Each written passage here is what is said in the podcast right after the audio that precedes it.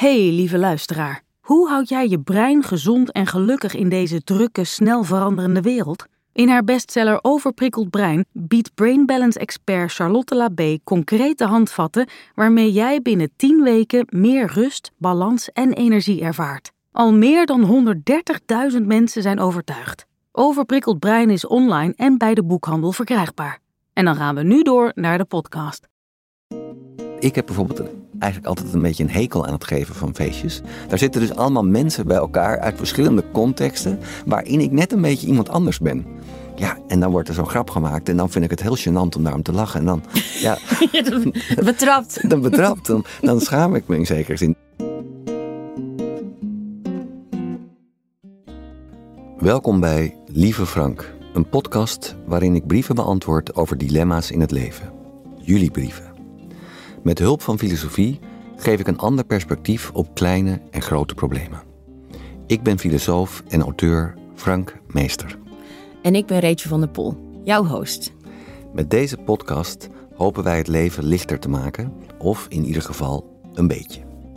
Vandaag behandelen we de brief van Manon, die zich liever niet schaamt voor haar familie, maar dat toch soms doet. Rachel leest de brief voor.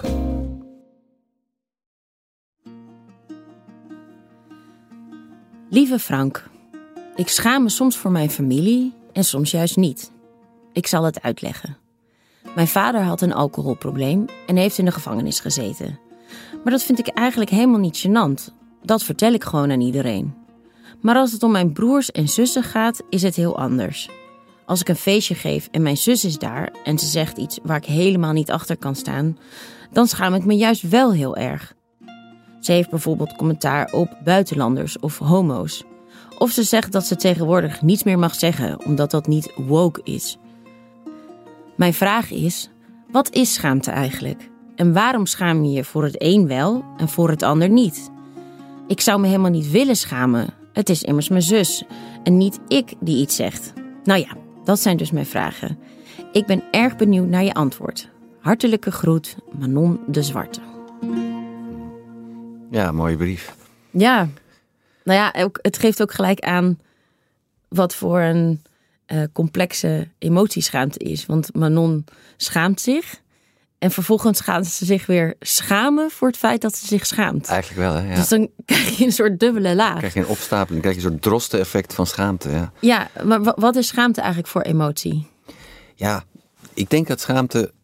Kijk, we willen heel vaak. We, we hebben dat schaamte heel erg op het individu gericht. Ik schaam me en eh, ik moet daarvan af. De meeste mensen vinden schaamte ook niet fijn. Maar het ik voelt ook niet fijn. Nee, het voelt ook niet fijn, natuurlijk niet. Nee, dus je inderdaad, maar je denkt schaamte belemmert mij heel erg. Ja, En dat is heus wel eens zo natuurlijk, maar ook eigenlijk niet. Ik denk, ik denk dat schaamte veel meer te maken heeft met collectiviteit. Het is ook logisch, je schaamt je voor anderen. En schaamte zegt eigenlijk heel veel over, ehm, ja, over wat, er toe, wat, goed, wat wel mag en wat niet mag in de maatschappij.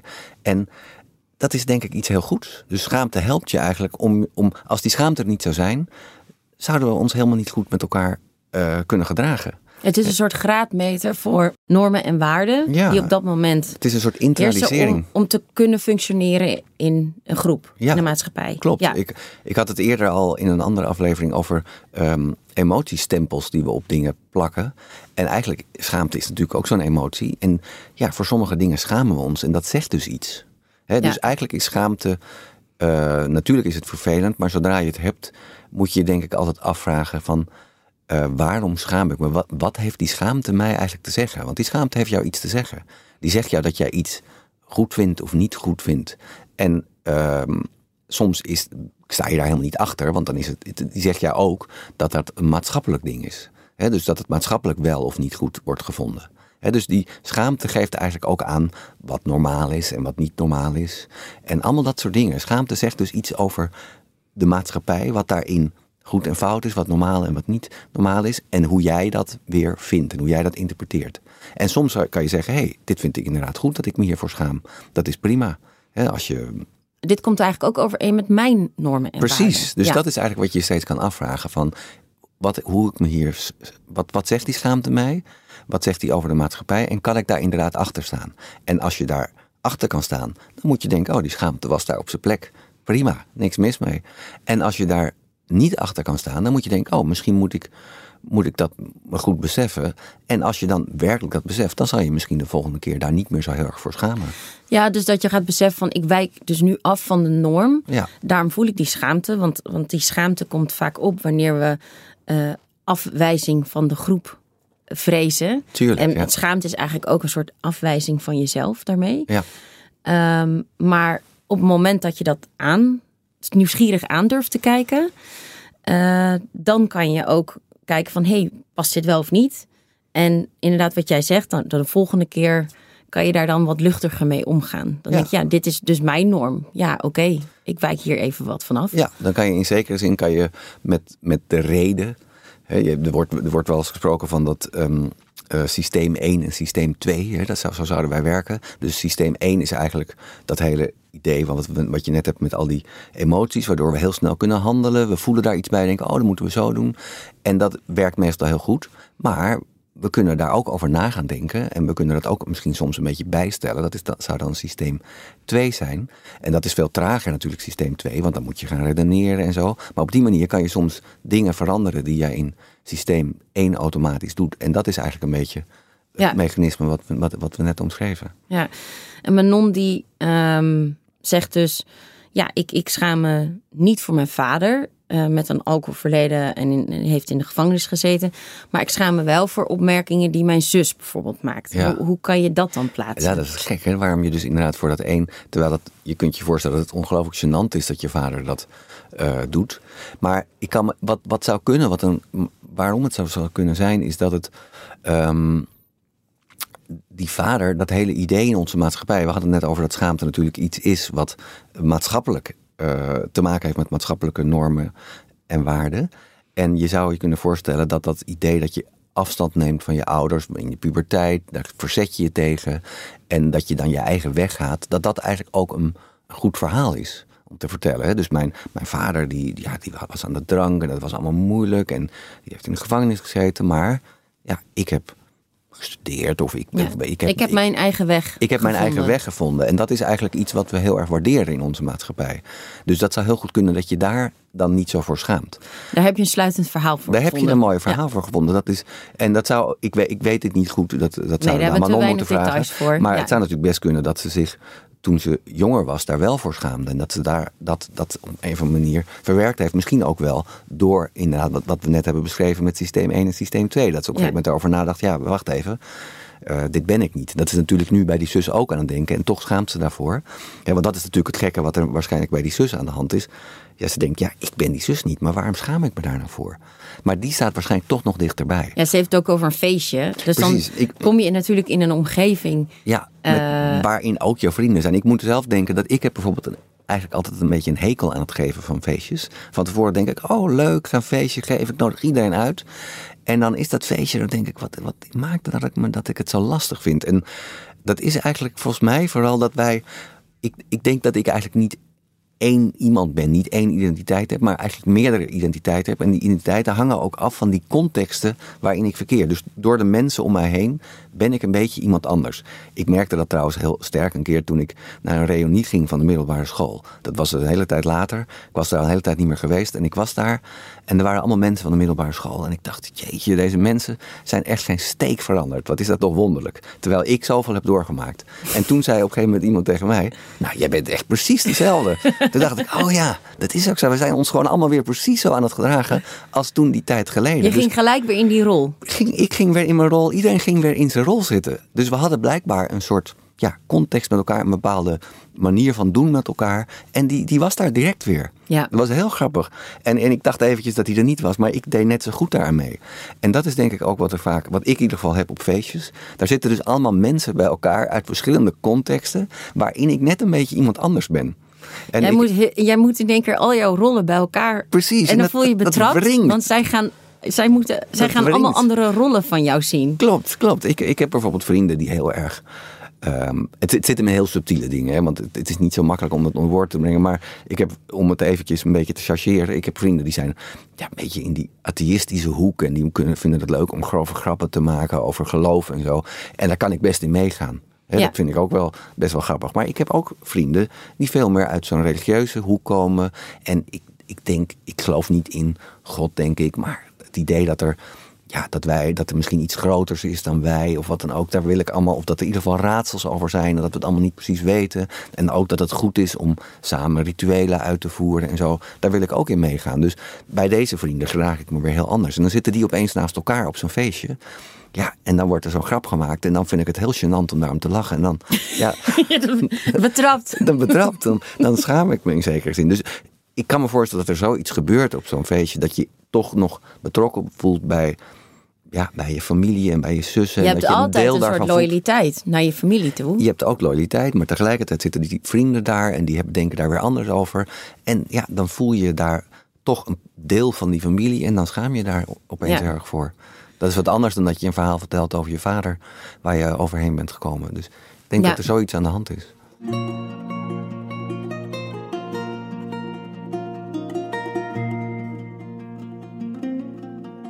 Ik heb nog een andere podcast gemaakt, Discomfortzone. En daar kwam een keer uh, hoogleraar Aukje Nauta langs. En zij had uh, ook een boek geschreven over schaamte. Nooit meer doen alsof. Want Aukje die uh, had nogal veel last van schaamte. Echt in alles. Die had eenzaamheidsschaamte, uh, nep-professorschaamte. Um, die had echt ook het gevoel van als ze op een zaterdag over straat liep... en ze het idee had dat ze iets had moeten kunnen doen, iets heel leuks. En iemand zag haar dan, die ze kende, dat, dat dan mensen aan haar zagen: oh nee, wat is die alleen, weet je wel. Um, en die heeft op een gegeven moment een hele studie gedaan naar haar eigen schaamte. Het is echt een, een leuk boek ook. Uh, maar ze is natuurlijk ook hoog, hoogleraar, dus er zit ook heel veel gedegen onderzoek achter. Um, en wat zij, wat zij zegt is: uiteindelijk onder uh, schaamte zit een verlangen naar verbinding. Want je, enerzijds wijs je jezelf af, maar daaronder zit dus dat, dat verlangen naar erbij horen, in de groep horen. En um, dus in, waarschijnlijk bij die zus, die voelt zich zo rot ook over het feit dat ze zich schaamt voor haar zus. Want ze heeft ook een verlangen naar verbinding, denk ik. En dat is ook iets heel moois om te beseffen van... hé, hey, ik wil wel ook een goede band met mijn zus. En hoe doe ik dat dan? En um, zij, die Aukje Nauta heeft bijvoorbeeld tijdens die studie ook metagesprekken met vrienden gevoerd. En uh, nou ja, dus dat je dus uh, een analytisch gesprek over je vriendschap gaat voeren. Want zij heeft dus één vriendin en daar schaamt zij zich dus voor. En zij, zij voelt zich heel rot over het feit dat ze zich daarvoor schaamt. Dus precies hetzelfde als bij Manon. En dan gaan ze op een gegeven moment dus een, een gesprek daarover voeren. Want dat, nou, zij is dan hoogleraar en die moet zich heel professioneel gedragen. En die vriendin die zit meer in de culturele sector. En die is heel vrij. En ja, ze vindt haar truitjes te laag uitgesneden. Net iets te uitgesproken. En, um, en, dan, en dan gaan ze dus daarover hebben. En dat is best wel een rauwe scène. Omdat je, je voelt gewoon het ongemak. Dus dat je mm. moet uitspreken van ik, ik schaam me eigenlijk voor jouw gedrag. Maar ik vind het ook heel rot dat ik me daarvoor schaam. En dat die vriendin ook vertelt van... Ja, ik, ik vind het heel vervelend dat ik voel dat jij uh, je voor me schaamt. Um, maar de, de conclusie was niet jij zit goed of jij zit fout. Maar wat dus opviel was uh, dat die schaamte oploste door het aan te kijken. Ja, ja, ja. En het erover te hebben. Ja. Uh, en humor kan ook heel veel helpen. Dus, um, ja, nee, dat is dus toch weer daar even. Dus die schaamte eigenlijk. Aankijken. Aankijken, dus accepteren dat hij er is. En denken, hé, hey, wat zegt die schaamte mij? Precies. En dan kan je uh, ja, dat is niet dat daarmee alles is opgelost. Maar daarmee kan je wel soms ook van die schaamte afkomen. Of kan je in ieder geval een manier vinden om ermee om te gaan. Ja. En dan, uh, ja, dat is denk ik de methode. Ja, en inderdaad ook het aspect van humor. Weet je, je hebt soms van die situaties, heb ik ook. Dan denk ik, oh, oh, ik wil echt verdwijnen. Weet je wel, van echt, stop, stop dit. Maar wat ik dan doe, uh, is dan maak ik er daarna een heel grappig verhaal van. En dan, dan merk ik gewoon dat de schaamte oplost. Ja. Ja. Dus dat, dat kan ook nog helpen. Ja. Ja. Ja, en weet je wat ook kan helpen? Nou? Ja, als we, ik weet niet of we al met tips bezig zijn, maar wat soms ook kan helpen met schaamte, is uh, gewoon je dus voorstellen bijvoorbeeld wat het allerergste is weer, wat er kan, werkelijk kan gebeuren. Dat is weer die truc van die stoïcijnen, van ja, wat is er nou echt? Stel je schaamt je om iets op een podium te staan of wat dan ook, nou dan je voorstellen wat is het allerergste dat kan gebeuren. Ja, dat is dat, eh, dat, dat je niet uit je woorden komt. Maar hoe erg is dat nou? Als, als er iemand op een podium staat en die komt niet uit zijn woorden, ja, dan denk je ook niet, goh, wat erg is dat. Toch als je zelf in de zaal zit. Dus soms is het, helpt het gewoon om dat even goed voor te stellen. Gewoon, stel je nou eens voor, het allerergste is wat kan gebeuren. Nou, Zo erg is dat niet. En een ander ding is. Want heb jij dat wel zelf ook gedaan? Dat je een hele gênante Nou, heb situatie meer- hebt opgezocht? Ja, precies, maar ik heb meer. Je kunt het ook echt doen. Dus wat ik wel, wat ik, ik heb, ik maak muziek en ik heb een tijdje dacht ik van, ik vind het leuk om op straat te spelen. En toen ben ik eh, met een vriend samen, zijn we een paar weken lang, zijn we elke week, eh, elke dag. Zijn we gewoon bij terrassen gaan spelen en daarna met de pet rondgegaan. en ik vond dat zo ontzettend gênant. Ik vind het zelf namelijk ook soms eigenlijk best wel irritant dat mensen dat bij mij doen. En ik vond het echt heel gênant. En ik moet ik zeggen. was dat- waarschijnlijk degene die soort een rondje om jou heen liep. Precies. Heel gênant om te doen. Maar als je het dan een tijdje doet, is het eigenlijk helemaal niet zo erg. En bovendien, alle andere dingen die je doet, vallen dan in het niet. Ik, er waren allemaal andere dingen die ik normaal gênant had gevonden. Nou, daar, daar, daar keek ik niet naar om. Dus soms is het dan ook wel weer goed. Ga nog iets veel gênanters doen. Dan valt dat gênante ding wat je moet doen eigenlijk wel mee. Ja, dat kan heel erg helpen.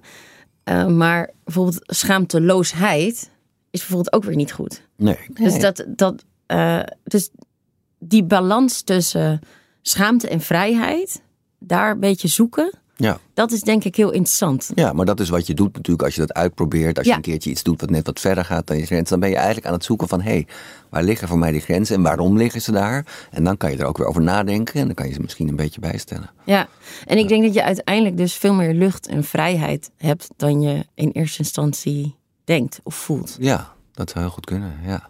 Heb je nog een afsluitende tip? Nou ja, misschien dus voor, voor niet echt afsluiten, maar voor Manon van, ja, bedenk die schaamte is dus niet fout. Die zegt jou iets en kijk wat die schaamte jou wil zeggen. Je luisterde naar Lieve Frank, een podcast van VBK Audiolab en uitgeverij Ten Haven. De getipte boeken en podcasts in de aflevering vind je in de show notes. Redactie van deze podcast is in handen van Rachel van der Pol en van mij, Frank Meester. Opname en sounddesign is gedaan door Tinium Audioboekproducties, muziek BMG Production Music. Bedankt voor het luisteren en hopelijk tot de volgende aflevering.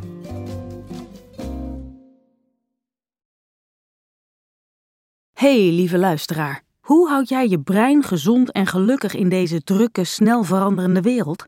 In haar bestseller Overprikkeld Brein biedt Brain Balance expert Charlotte Labé concrete handvatten waarmee jij binnen 10 weken meer rust, balans en energie ervaart. Al meer dan 130.000 mensen zijn overtuigd. Overprikkeld Brein is online en bij de boekhandel verkrijgbaar.